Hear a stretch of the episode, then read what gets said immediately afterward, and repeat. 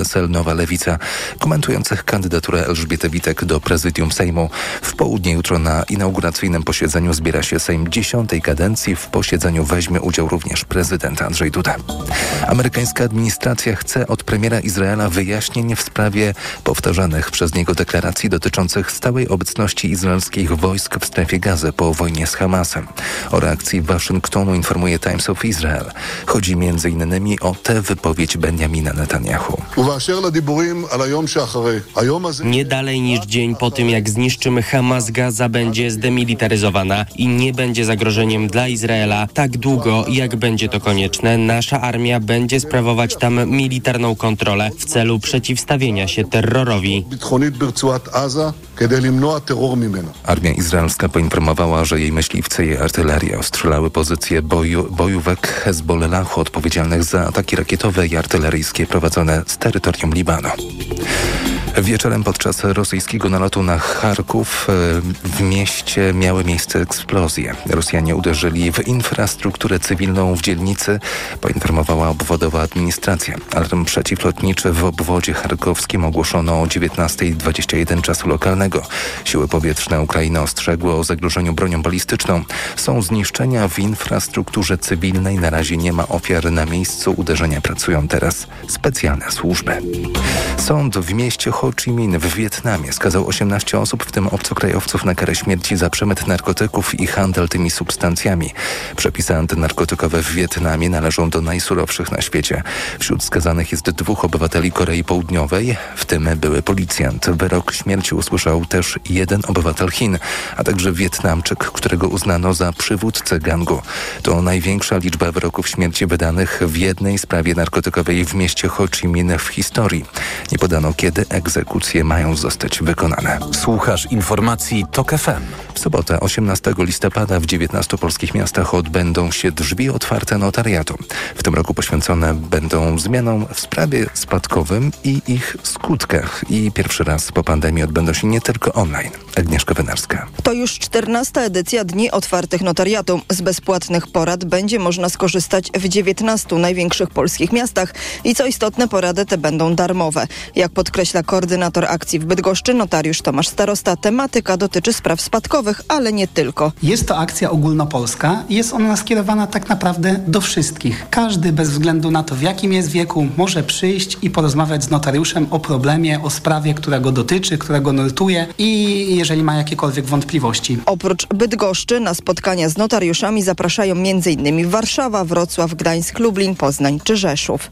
Agnieszka Wynarska, TOK FM. Teraz czas na prognozę pogody.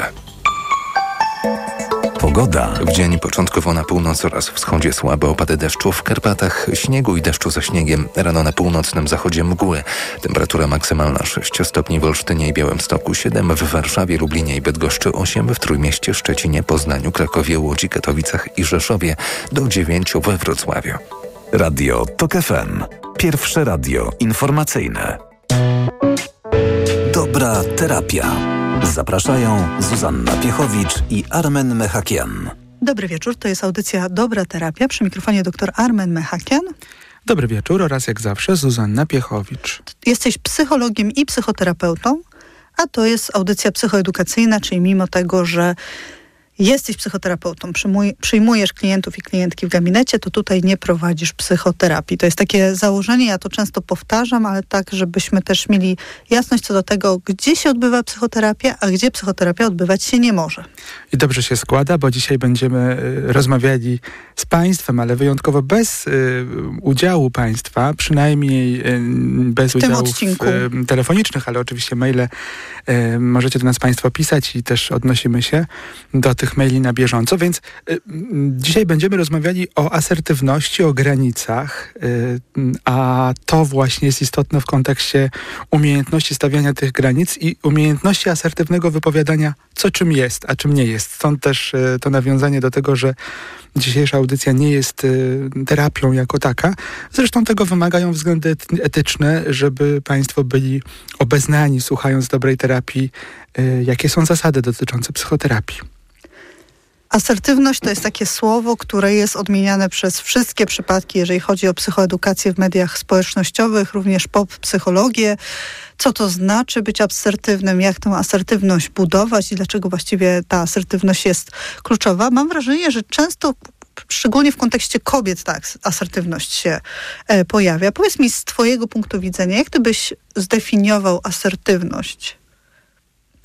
E, dobre pytanie, e, więc na pewno nie tak, jak zasadniczo nam się kojarzy, bo asertywność nam się kojarzy z jakąś taką mm, osobą, która często mówi nie, nie zgadzam się, nie zrobię tego. Słowem, zaraz pewnie będziemy mogli to rozwinąć, ale mm, wydaje się tak, moje, moja definicja tego, czym jest asertywność, to jest umiejętność e, wypowiedzenia tego, co myślimy w danym momencie, po sprawdzeniu, czy to, co chcemy wypowiedzieć, e, jest zasadne, czy to jest dobra pora i czy to ma sens, a następnie wpowiedzieć w taki sposób, żeby osoba, do której mówimy, usłyszała to i wiedziała, że naszym celem, naszą pobudką nie było zranienie, tylko wypowiedzenie tego, e, co chcieliśmy powiedzieć. I jeszcze krócej, próbując to e, wypowiedzieć, to jest powiedzenie, umiejętność wypowiadania się w taki sposób, żeby wypowiedź dotycząca szczególnie trudnych kwestii była o nas, a nie o drugiej osobie. Czyli żebym był w stanie powiedzieć, jak ja się czuję, czego ja potrzebuję, a nie, że ty zawsze, y, ty mnie zdenerwowałaś, ty mnie zaatakowałaś, y, a bardziej, żeby umieć powiedzieć o tym właśnie, jak ja się mam z jakąś sytuacją. To jest postawa, to jest umiejętność, to jest cecha? Myślę, że wszystko razem. Zasadniczo trzeba byłoby zacząć od tego, żebyśmy mogli zrozumieć, dlaczego mamy trudność w ogóle z tak zwaną asertywnością. Czyli myślę, że od tego warto by zacząć, yy, bo to też pomoże nam zrozumieć, co mamy na myśli, bo ludzie mówiąc o tym, że brakuje im asertywności albo że dążą do tej asertywności, mogą mieć naprawdę różne rzeczy yy, na myśli. I teraz z jednej strony może to dotyczyć tego, że mm, są osoby, którym trudno stawiać granice. Zresztą myślę, że każdy z nas miewa trudności ze stawianiem granic. E, nawet osoby bardzo e, takie wprawne w stawianiu granic miewają problemy ze stawianiem granic. To wszystko zależy od okoliczności. Czyli jedna sprawa może dotyczyć y, tych granic. Druga sprawa może dotyczyć tego, że ktoś ma trudności ze zderzeniem się z rzeczywistością, z taką konfrontacją. W związku z tym unika cały czas konfrontacji, więc czasami nawet jeśli pytanie jest wprost dotyczące jakiejś sprawy, to ta osoba bardziej zabiega o to, żeby było miło i żeby w danym momencie e, ktoś e, usłyszał to, co chce, niż żeby e, poruszać jakieś tematy nieprzyjemne. W związku z tym znowu na przykład przytakuje albo mówi o tym, co chciałoby, żeby miało miejsce, ale jeszcze tego nie ma na miejscu. Podam przykład, na przykład, przykład, przykład. Osoba, która powiedzmy jest umówiona na spotkanie i się spóźnia i, i widzi, że jest no, czas się zbliża, więc nie zdąży. I jedna osoba może wysłać wiadomość: Przepraszam, spóźnię się do 15 minut, pozdrawiam. Druga osoba y, może uznać, że nie wyśle tej wiadomości, bo być może się nie spóźni. Mimo to, że już jest na przykład czas 00, a osoba jeszcze jest w drodze i widać przynajmniej, że 15 minut się spóźni, ale mm, nie jest w stanie się skonfrontować z tym i powiedzieć, że że się spóźnię, e, dlatego że boi się tego zjawiska. Choć wiadomo, że za chwilę e, to spóźnienie nastąpi i to będzie bardziej nieprzyjemne. No ale właśnie tak już działa sposób myślenia osoby, która nie umie się skonfrontować z nieprzyjemnymi wydarzeniami. Czyli i tak wie, że to wydarzenie nastąpi, ale unika go, odwleka w czasie. No i to jest y, jeden z fenomenów naszego mózgu. My po prostu możemy, ten nasz mózg ma naprawdę różne wybitne umiejętności. Chodzi o to, że nasz mózg może powodować, żeby chwilowo było miło, czyli dąży do ulgi. Więc y, poza tym jesteśmy w stanie oszukiwać siebie samego. Ten mózg naprawdę jest sprytny. No zobacz, że przecież jak oglądamy filmy, mm, no to, no to widząc o tym, że to jest film, i że to nie jest rzeczywistość, no to jesteśmy w stanie się prawdziwie wystraszyć, prawdziwie się wzruszyć. E, zresztą zobacz, jak działają symulatory zasadniczo. Mózg rozumie, że wchodzi do jakiegoś symulatoru i tam się będzie coś działo, na przykład kiedy się szkoli pilotów, a mimo wszystko jesteśmy w stanie pewnymi okolicznościami zmusić mózg do tego, żeby się czuł inaczej tak, jakby był w innej rzeczywistości. I teraz podobnie działa mózg osób, które nie lubią nieprzyjemnych emocji, bardzo się boją konfrontacji z nieprzyjemnymi wydarzeniami, nie lubią widzieć siebie popełniających błędów, po prostu nie lubią y, tego faktu, w którym y, sami siebie źle oceniają. I y, teraz może być tak, że mm, wręcz to może dotyczyć kwestii spóźnienia, ale też jakiegoś projektu nie, niedokończonego, albo ktoś coś obiecał, i wie, że z jakichś powodów tego nie zrobi. I zamiast szybko ustalić mm, przyczyny prawdopodobieństwa i to zakomunikować, to osoba nie mająca asertywności nie będzie tego robiła. Po prostu będzie czekała. Dużo na ten temat mieliśmy też w audycji o prokrastynacji, więc jeżeli ten wątek tego odwlekania Państwa interesuje, to odsyłamy na to KFMPL, bo tam podcast tej audycji jest i można go posłuchać. Co jest, bo powiedziałeś o tym mówieniu nie. Moje pierwsze skojarzenie z asertywnością jest e, ten komfort powiedzenia komuś nie, powiedzenia odmowy i czucie się z tym dobrze. Ale rozumiem, że to nie jest takie proste. Nie jest to takie proste, dlatego że mm, asertywność dotyczy ludzi. To oznacza, że Dob dobre na tytuł tego podcastu, e, podcastu po tej rozmowie. Tak, bo to e, ważne. I teraz biorąc pod uwagę fakt, że każdy mm, człowiek ma swoje granice, no to oznaczałoby to, że asertywność, z asertywnością mamy do czynienia wtedy, taką właściwie rozumianą, kiedy my jesteśmy w stanie w sposób stosowny zadbać o swoje granice, nie przekraczając granic fizycznych, psychicznych, emocjonalnych drugiej osoby, z którą jesteśmy w relacji. Cały problem z asertywnością w psychologii jest taki, że my się szkolimy w byciu asertywnym, czyli w gruncie rzeczy szkolimy się w tym, żeby bronić swoich granic, ale moglibyśmy też powiedzieć, że w tym, żeby przekraczać granice innych. Słowem, łatwo nam przychodzi, znowu to też jest charakterystyczny mechanizm psychologiczny, łatwo nam przychodzi wejście w rolę ofiary i powiedzenie, że ja jestem nieasertywny i chciałabym bardziej przekraczać granice innych. Po prostu, że mają robić to, co ja chcę. Tymczasem yy, no, w dorosłym świecie, wśród różnych ludzi, jest to bardzo trudne, żeby ludzie zawsze robili to, co my chcemy, a asertywność polega na tym, że umiemy nie doprowadzić do, mm, do, do, do tarć, do, do krzywd, do bólu emocjonalnego, ale jesteśmy w stanie precyzyjnie wypowiadać się i powiedzieć, co nam się podoba, a co nie. A czy asertywność to nie jest właśnie trochę na odwrót, że nie chcemy robić czegoś tylko dlatego, że inni tego chcą?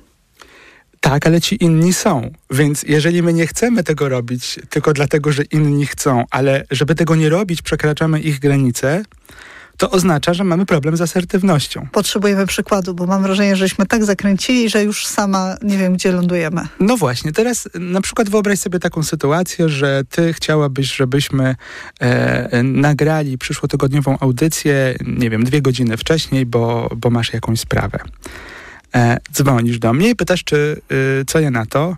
E, ha, to jest ciekawe, bo wyobraź sobie taką sytuację, sytuację, że dzwonisz i mówisz, słuchaj, mam dla ciebie dobre wieści, w tym tygodniu będziemy mogli nagrać audycję dwie godziny wcześniej, a nie o 22, pewnie się cieszysz.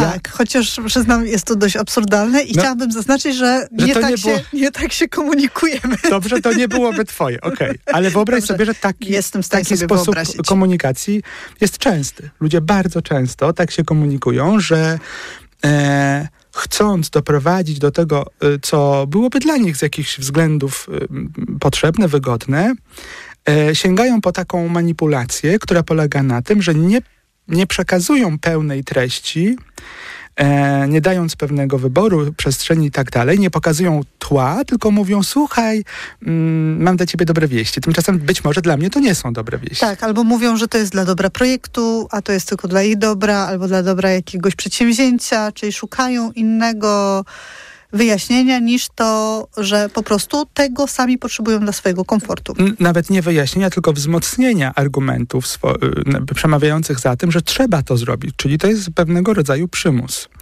Chodzi o to, że y, asertywny człowiek w tej sytuacji, teraz idąc za tym przykładem, to byłby taki, który, no ja się mam za asertywnego, więc ja prawdopodobnie bym powiedział, słuchaj, bardzo dziękuję, że pomyślałeś o moim komforcie. Co prawda ja co tydzień o 22 jestem na audycji, więc mam to już wszystko tak poplanowane, że raczej nie jest to dla mnie dobra wieść, ale rozumiem, że tego potrzebujesz, tak? Dobrze rozumiem, że tobie by na tym zależało. Okej, okay, jeśli tak potrzebujesz, ja myślę, że nie ma problemu, możemy to zrobić. Czyli zobacz, zakomunikowałbym po pierwsze to, że nie podoba mi się, że próbujesz mnie y, wciągnąć w jakąś historię, w której robisz mi przy, przyjemność, przy tym jem prezent. Zaznacza, że to nie jest dla twojego komfortu. Widzę to, to dokładnie zaznaczam, że widzę to.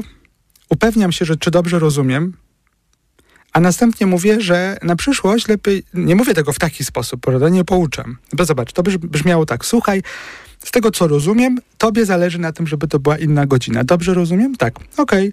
Okay.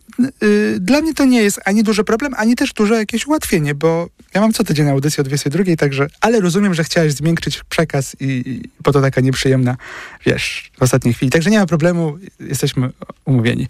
Czyli zobacz, jak to brzmi. Ja się uśmiecham, ja nie jestem zły na ciebie, ja nie wchodzę w rolę ofiary, ja nie mówię, że słuchaj, dla ciebie wszystko, ani też nie mówię, y, że jak dobrze, że tak dbasz o mój kalendarz. Wiesz, po prostu autentyczność.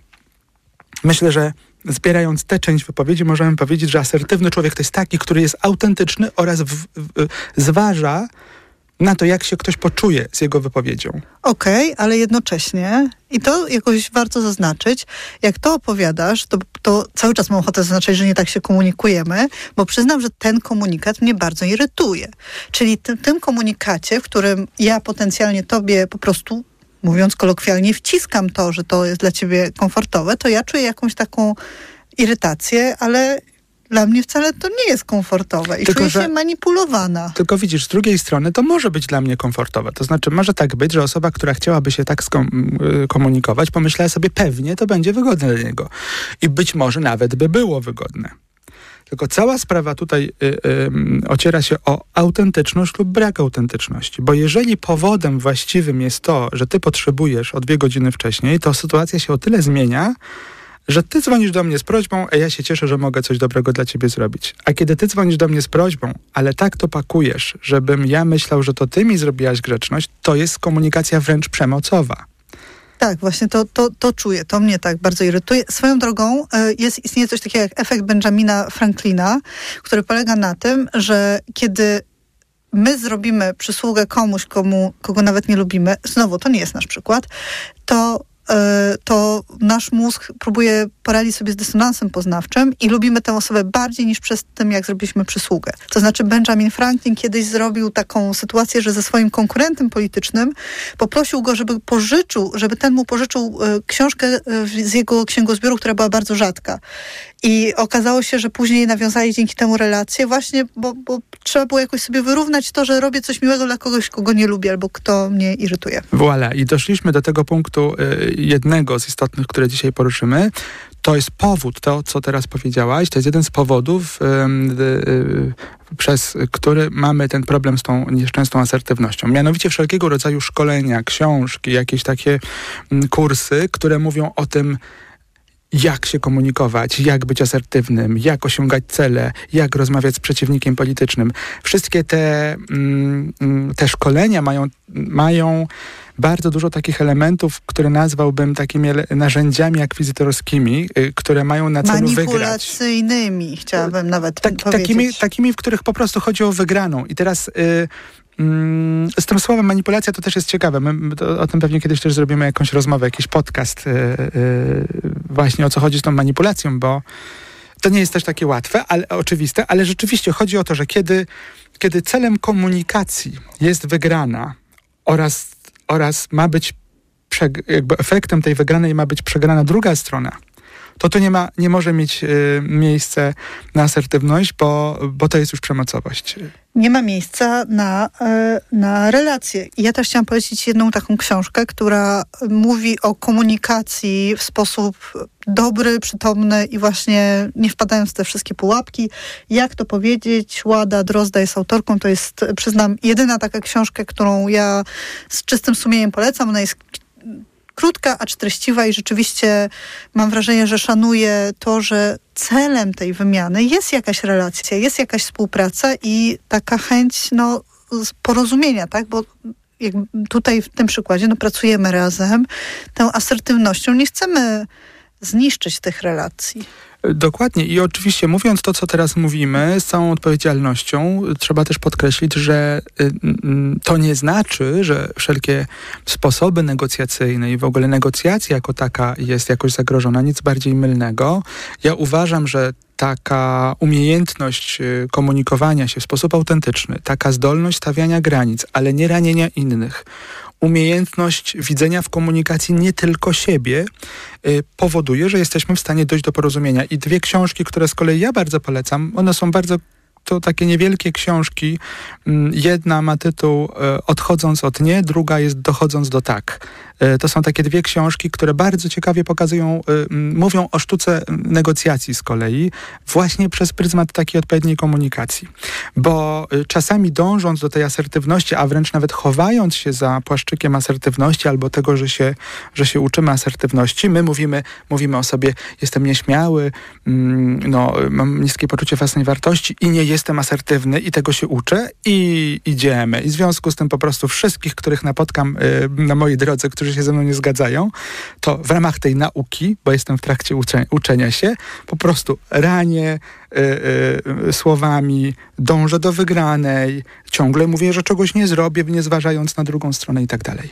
Ale to nieranienie jest dla mnie też ciekawe, bo jednocześnie my mamy wpływ na to, co robimy, ale wpływ na reakcję drugiej strony już mamy dość ograniczone. I nawet kiedy naszą intencją jest nie zranienie drugiej osoby, to już trochę każdy człowiek ma swój prywatny wszechświat i nie mamy nad tym kontroli. Więc co rozumiesz przez nieranienie? No i właśnie. I, i zobacz, jak, jak bardzo jesteśmy zakorzenieni w takim sposobie komunikowania się, że kiedy ja mówię o nieranieniu, to tobie przychodzi do głowy, no ale przecież ja nie mam y, wpływu na to, jaką się poczuję. Nie no, wpływ mam, ale... Ograniczony, masz, tak. dobrze to powiedziałaś. Natomiast zobacz, że właśnie o to chodzi, że ucząc asertywności rzadko mówimy o tym, że to ja powinienem sprawdzić moje pobudki, zastanowić się, co tak naprawdę chciałem osiągnąć. I to jest y, niezwykle ciekawe, bo kiedy się pracuje z konkretnymi osobami w procesach takich y, szkoleniowych czy, czy innych, przy których przyglądamy się sposobowi komunikacji, to na pierwszy rzut oka nawet osoba zaangażowana w proces mówi, że ja nic złego nie mam na myśli, nie miałem nic złego na myśli. Widać to w terapii pary bardzo wyraźnie. Czyli jedna strona się komunikuje, komunikuje i druga strona się komunikuje. Kiedy zatrzymujemy, robimy taką stop-klatkę i przyglądamy się temu, co powiedziała ta osoba, i potem pytamy, co miała na myśli, y, to niemal zawsze coś, co brzmi tak dość agresywnie i przemocowo, na pytanie, czy to pan, pani miał na myśli, brzmi nie, nie, nie to miałem na myśli. Nie chciałem ranić. Ale jak przyglądamy się temu bardziej, to niemal zawsze również dochodzimy do wniosku, że, że ten nasz sposób komunikacji był jednak tak zaplanowany, żebyśmy wygrali. Może nie chcieliśmy, żeby to tak bardzo zabolało i może nie mieliśmy takiego zamiaru, żeby komuś zrobić krzywdę, ale owszem, chcieliśmy wygrać. I jeżeli albo... sprawdzamy, wiesz, w, przed komunikacją, albo mamy taki nawyk, że sprawdzamy, że to nasze uczenie się tej asertywności polega na tym, że sprawdzamy, czy ja nie mam czasami tak, że w każdej komunikacji muszę wygrać. To wtedy możemy się, możemy uniknąć tych pułapek. Albo wiesz, też zapytani po jakimś czasie od tego komunikatu, już trochę nie pamiętamy, dokładnie naszych pobudek z danego momentu, tej, tej iskry emocji, tego zapalnika, który sprawia, że mówimy często w kłótniach właśnie z najbliższymi, tych rzeczy, które no, później nie chcielibyśmy na przykład zacytować na antenie. Ale możemy do tego dojść. I to też jest ciekawe, że okoliczności nawet post factum pomogą nam ustalić, jaka mogła być nasza, nasz cel w zasadzie, tak? Bo, bo pobudka y, to jest to, to trudne, bo zazwyczaj mówimy, że jeżeli ktoś jest dla mnie ważny, no to ja nie chcę kogoś krzywdzić. To jest przecież oczywiste. Tymczasem... Yy, A czy da się tego uniknąć? No właśnie. I, I, teraz, jeśli jesteśmy w okolicznościach takich jak kłótnia, czy naprawdę da się uniknąć dążenia do wygranej? To jest niemal niemożliwe. I teraz, yy, ale, ale to jest w tych okolicznościach rodzinnych. Natomiast w okolicznościach takich nierodzinnych, ja bardzo często, jak ja się uczę, bo, bo, e, tej asertywności. Mm, ja się ciągle uczę asertywności, nawet jeśli to zabrzmi tak groteskowo, yy, dlatego że mam taką osobowość, mam taki temperament bardzo reaktywny. W związku z tym, y, gdybym zawsze powiedział pierwsze, co mi przychodzi do głowy, to mogłoby być nieciekawe. W związku z tym nauczyłem się, że zadaję sobie takie pytanie, co chcę osiągnąć tym, co chcę powiedzieć. I wtedy dość łatwo udaje mi się ustalić, czy chciałbym wygrać, czy chciałbym zademonstrować to, że jest mi przykro, lub chciałbym zademonstrować, że wiem lepiej, więcej, albo że nie zgadzam się i już. Jak ustalę tak w głowie, z czasem można dojść naprawdę do wprawy, że można sekundę to zrobić, że te wszystkie rzeczy bez sensu teraz zademonstrować, to często dochodzę do wniosku, że nic nie powiem, albo po prostu przepuszczę jakąś okazję na wypowiedzenie się. No właśnie, a jak już coś taki, mówię. Wiesz, moment, tak? No właśnie. A jak już coś mówię, to, to, to szczególnie w ważnych sytuacjach, to chodzi o to, żeby ta wypowiedź dotyczyła tego, że jestem w stanie zakomunikować y, to, co mam na myśli, czyli że e, nie do końca się zgadzam z opinią jakiejś osoby, choć rozumiem, że ona ma prawo do, do tej opinii i upewniam się, czy, y, czy dobrze mnie ta osoba zrozumiała, że nie mam y, pretensji do niej o to, że tak myśli. Natomiast ja myślę inaczej. Podam inny przykład. Załóżmy, że pracodawca to też jest taki przykład z czasów, kiedy ja mm, mm, pracowałem w takim systemie, w którym miałem pracodawcę y, i zdarzało się tak, że e, pracodawca mówił, że mam coś wykonać poza godzinami pracy na przykład, tak, że jest jakaś sytuacja y, taka, a nie inna. To co ja wtedy robiłem? Ja się zastanawiałem sam, jako dorosły człowiek mający do siebie jakieś względne zaufanie, czy ta sytuacja, czy ta okoliczność jest rzeczywiście pilna, istotna, czy to jest coś, y, w co warto się zaangażować, albo że trzeba z punktu widzenia firmy, mojej osoby i tak dalej. Jeśli po własnej ocenie dochodziłem do wniosku, że tak, że to jest sytuacja wyjątkowa, to rzecz jasna nie widziałem problemu w tym, żeby się angażować. Natomiast jeżeli dochodziłem do wniosku, że ta sytuacja nie jest wyjątkowa. Mało tego, moja decyzja może spowodować, że będzie mogła ta sytuacja być powtarzalna, czyli że częściej będę musiał przekraczać swoje granice. Lub dochodzę do wniosku, że z czasem nawet może być postrzegane to jako, że ja jestem z tym całkiem okej, okay, przecież nie mówiłem, że nie mogę i tak dalej. To wtedy dochodziłem do wniosku, że muszę znaleźć sposób na zakomunikowanie tego, że ta sytuacja nie jest dla mnie wygodna i nie zawsze mi się udawało to zrobić od razu. Dlatego, że zrobienie tego od razu w, przy moim temperamencie prawdopodobnie byłoby związane z tym, że powiedziałbym, że tego nie zrobię, ponieważ coś tam, tak? Pracuję tam do którejś. Natomiast takie zastanowienie się nad tym, dobrze, to ja nawet poniosę jakiś koszt i zrobię coś, co, co do czego nie mam pewnego przekonania, czy, czy to jest, czy ja, się z tym, czy ja jestem z tym ok, to y, powodowało, że y, ja bardzo poważnie traktowałem takie sytuacje i zastanawiałem się, dlaczego to robię. To jest najważniejsze pytanie, dlaczego to robię. Jeśli dochodziłem do wniosku, że zrobiłem to dlatego, czyli przekroczyłem własną granicę tylko dlatego, ponieważ nie miałem odwagi i nie umiałem, narzędzi nie miałem do takiego zakomunikowania, żeby druga strona nie uznała tego za atak, nie uznała tego za brak zaangażowania i tak dalej, to, to się nie komunikowałem. Jak znajdowałem sposób, czyli odpowiedź na pytanie, czego chcę, dlaczego oraz w jaki sposób to zakomunikować, to próbowałem to robić. I idąc dalej, nigdy to nie było bezkosztowe. Zawsze wymagało to mm, przygotowania się i zakomunikowania tego w sposób taktowny i yy, dba, jakby z dbałością o drugą stronę, ale zawsze też wiązało się to z tym, że druga strona była rozczarowana, ponieważ no, usłyszenie nie nie jest przyjemne. I właśnie to jest często to, co nas powstrzymuje przed takimi komunikatami, że będziemy postrzegani jako ci w cudzysłowie roszczeniowi. Ten, to słowo asertywne czasami bywa wykorzystywane jako synonim dla kłótliwy, tak? Że ktoś jest taki, o, ona jest taka asertywna, szczególnie w kontekście kobiet, to mam wrażenie, jest, mhm. wiesz, ta, ta asertywność bywa taką, e, no nie, nie, nie czymś chwalebnym, tylko takim że ktoś nie jest konsyliacyjny, że ktoś nie jest ugodowy, że mhm. ktoś nie jest przyjazny, mhm. Y, że, że mamy też taką część tej asertywności. Ja bardzo y, często, y, myśląc o takich obszarach w nas, które y, sprawiają nam trudności, lubię się przyglądać osobom i temu, jak one funkcjonują, y, y, osobom spektrum. Bardzo lubię się przyglądać temu, jak się komunikują osoby w spektrum, bo one są absolutnie dosłowne, bardzo... Bez niuansów, metafor. Bez i metafor i tak dalej. tak. I upewniające się, można powiedzieć, czyli one są takie bardzo dosłowne. Czyli powiedzenie na przykład czegoś takiego, że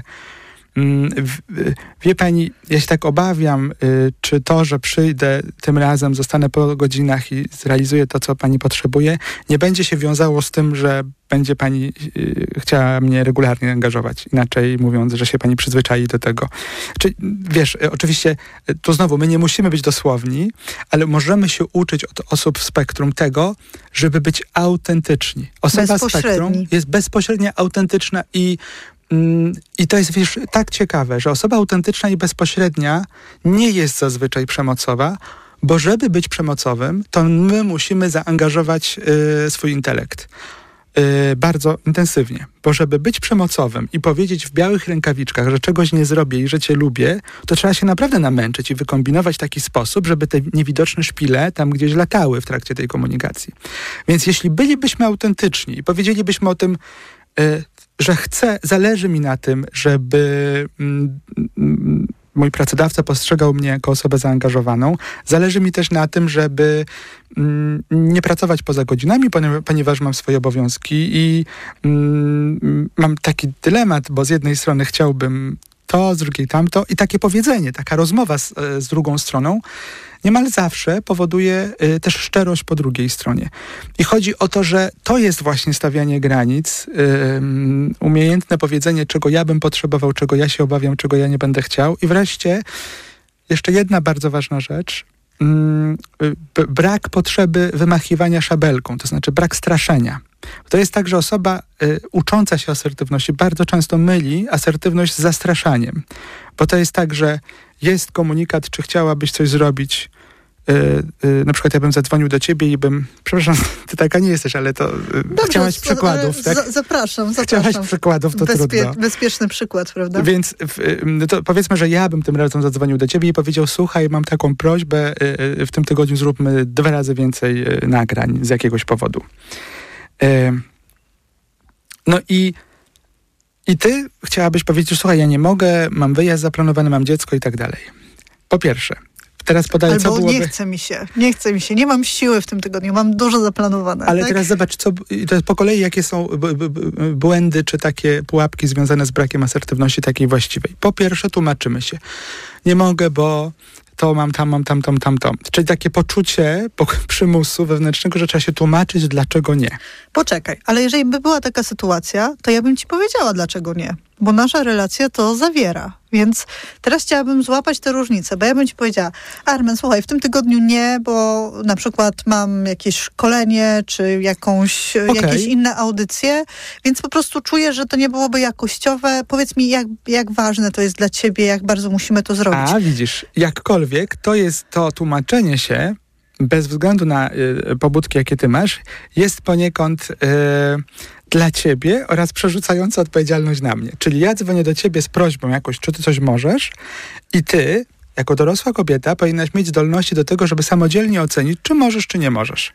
A jak najchętniej byś nie zrobiła tego, bo czujesz, że nie możesz, ale czujesz również przymus tłumaczenia się, to to jest coś, nad czym warto pracować, bo ten przymus tłumaczenia się mówi, że ja się nie czuję dobrze, powiedzieć, że nie mogę tak bez większego mm, łagodzenia tego. Okej, ale powiedz mi, jak ja bym cię poprosiła o te dwa nagrania, to czy byłoby tak, że powiedziałbyś mi, jakbyś właśnie miał różne rzeczy, powiedziałbyś mi po prostu nie, bez powiedzenia mi dlaczego nie? Więc to nie byłaby taka komunikacja nie, kropka, ale to byłaby taka komunikacja, wiesz, nie bardzo, mi, nie, nie bardzo mogę w tym tygodniu, może poszukajmy jakichś rozwiązań, a, a yy, wie- wiesz, jeśli sprawa jest bardzo pilna, no to coś tam zrobimy, daj znać jak bardzo pilne. Podobnie, nasze dążenia byłyby bardzo podobne, bo chodziłoby o to, żeby mm, nie zignorować twojej potrzeby, ale widzisz, w, so, w samej komunikacji fakt, że się tłumaczymy, jest już bardzo ryzykownym y, mm, narzędziem, dlatego że mówiąc na przykład dlaczego i wyjaśniając dlaczego,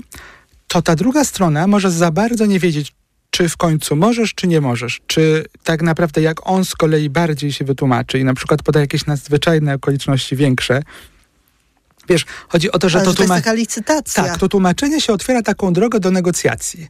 Yy, więc to jest trochę tak, wiesz co, nie mogę, no chyba, żebyś miał też takie jakieś ważne.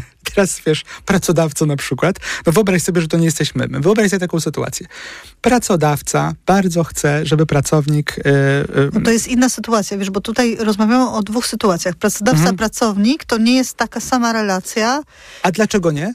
Y, Ja mam takie poczucie, że no właśnie, zaraz wpadnę w jakąś własną pułapkę. Już to czuję. No dobra, ale próbuję, brnę dalej. Może jakoś się wykaraskam, że jak odmawiamy komuś, z kim jesteśmy w relacji, tak, a my nie tylko razem pracujemy, jesteśmy w- jakiejś przyjacielskiej relacji, to, to ja nie, nie chciałabym cię w jakiejś takiej potrzebie zostawić bez jasnego wytłumaczenia ci kontekstu, dlaczego cię zostawiam. Ale po co mi ten kontekst?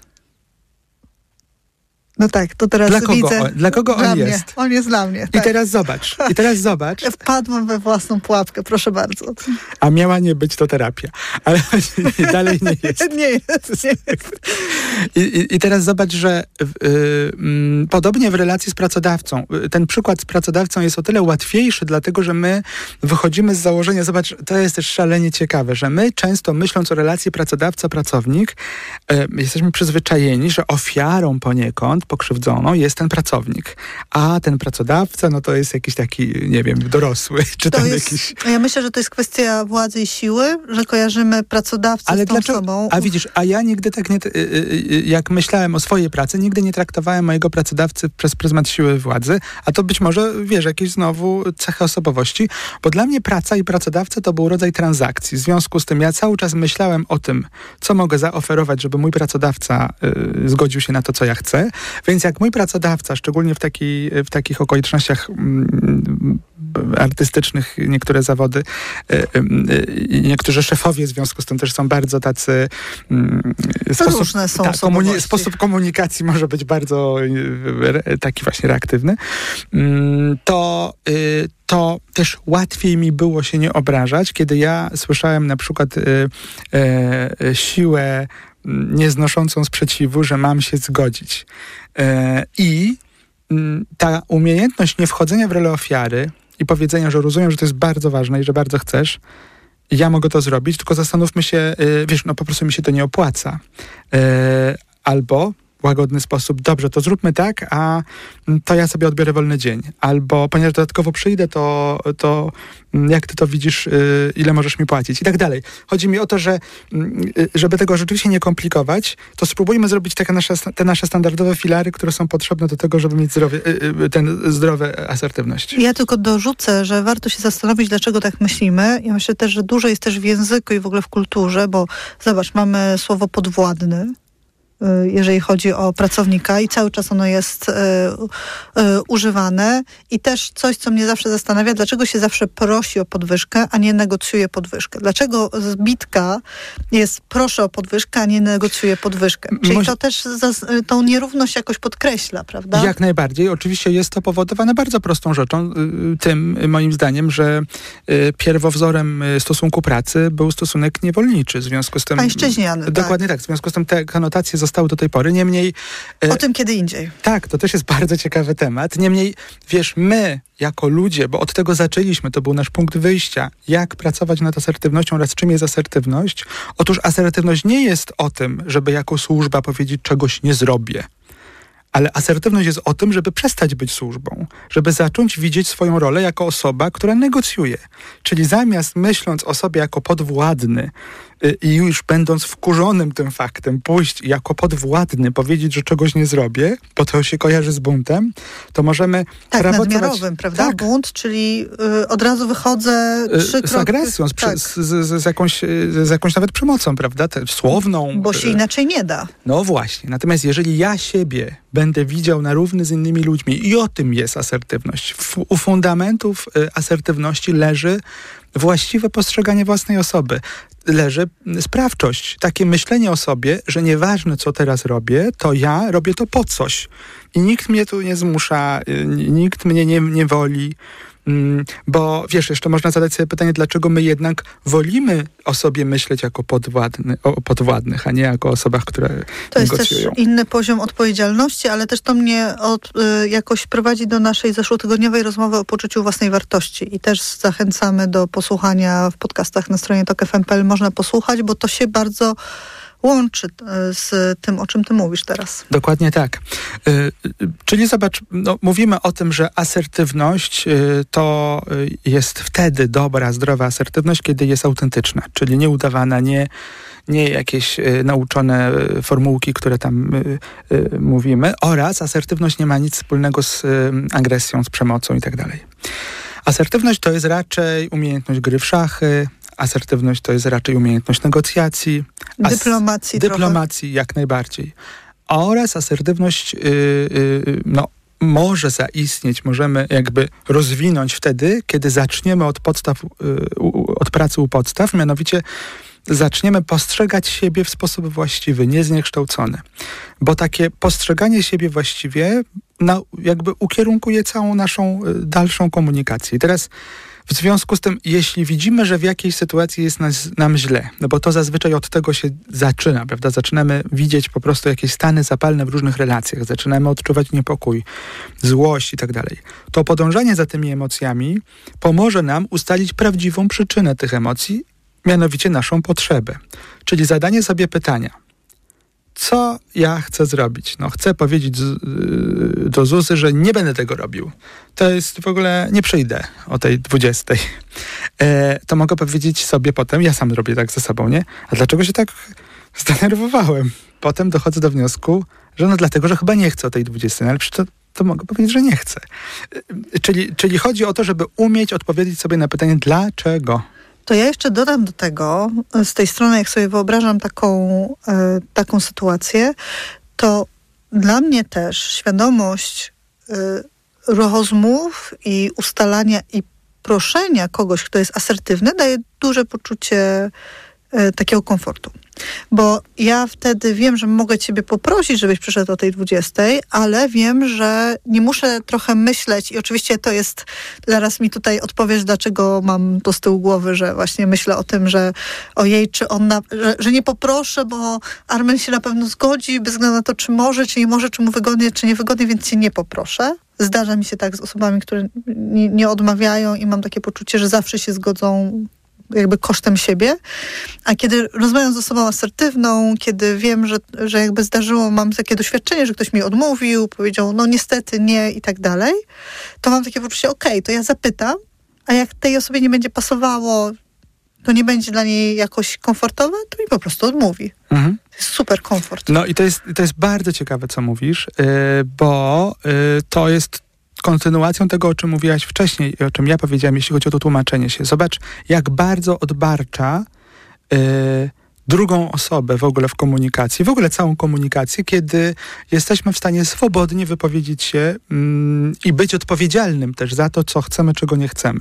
Czyli, że kiedy mamy takie poczucie odpowiedzialności, to, to poczucie odpowiedzialności mieści w sobie również gotowość do tego, e, no, żeby się skonfrontować i powiedzieć, czegoś nie zrobię, prawda?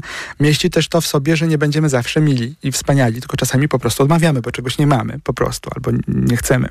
I teraz, kiedy w takiej komunikacji nie ma tak bardzo dużo zawiłości, tłumaczenia się, wyjaśniania, szukanie przyczyn, powodów, to z jednej strony jedna strona mówi o tym, że ona by chciała, ale nie może, druga strona też mówi, że chciałaby, ale nie może i wiesz, czas y, y, mija, y, sprawa jest nierozwiązana i dalej nie wiemy, kto jakie ma potrzeby. I każdy wychodzi trochę niezadowolony z tej wymiany. Tak. I teraz zobacz, znowu się będę czepiał, bo powiedziałeś przed chwilą tak, czasami się zdarza, że ktoś mówi niestety nie mogę. I teraz y, zobacz, jeżeli ja bym zapytał, y, słuchaj, napijesz się herbaty, czy ty mówisz, oj, niestety nie, wolałabym kawę? Czy po prostu zupełnie neutralnie mówisz, nie, nie, kawy, herbaty nie, to wezmę kawę, albo odwrotnie. Wieczorem nie piję kawy, a to poproszę herbatę. To jest taka komunikacja neutralna.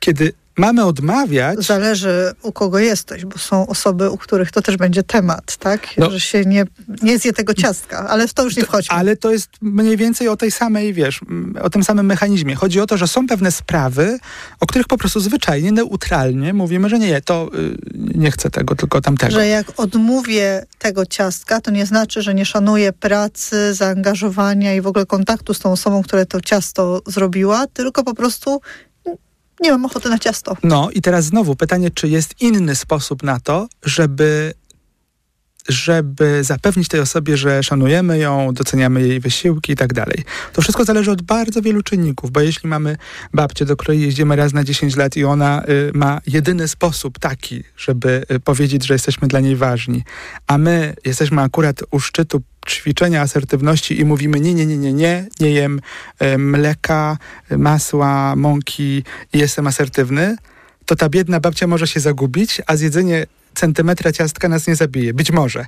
I teraz chodzi o to, żeby, wiesz, umieć y, odpowiedzieć sobie w głowie, dlaczego ja to robię. Czy dlatego, że ja muszę być asertywna, czy ja nie muszę być asertywna, ale mogę być asertywna. Że te granice to nie są mury, Tak. tylko jakaś taka brama, którą można przesuwać, tak żeby y, nie haczyła o innych albo nie raniła innych tak bez sensu.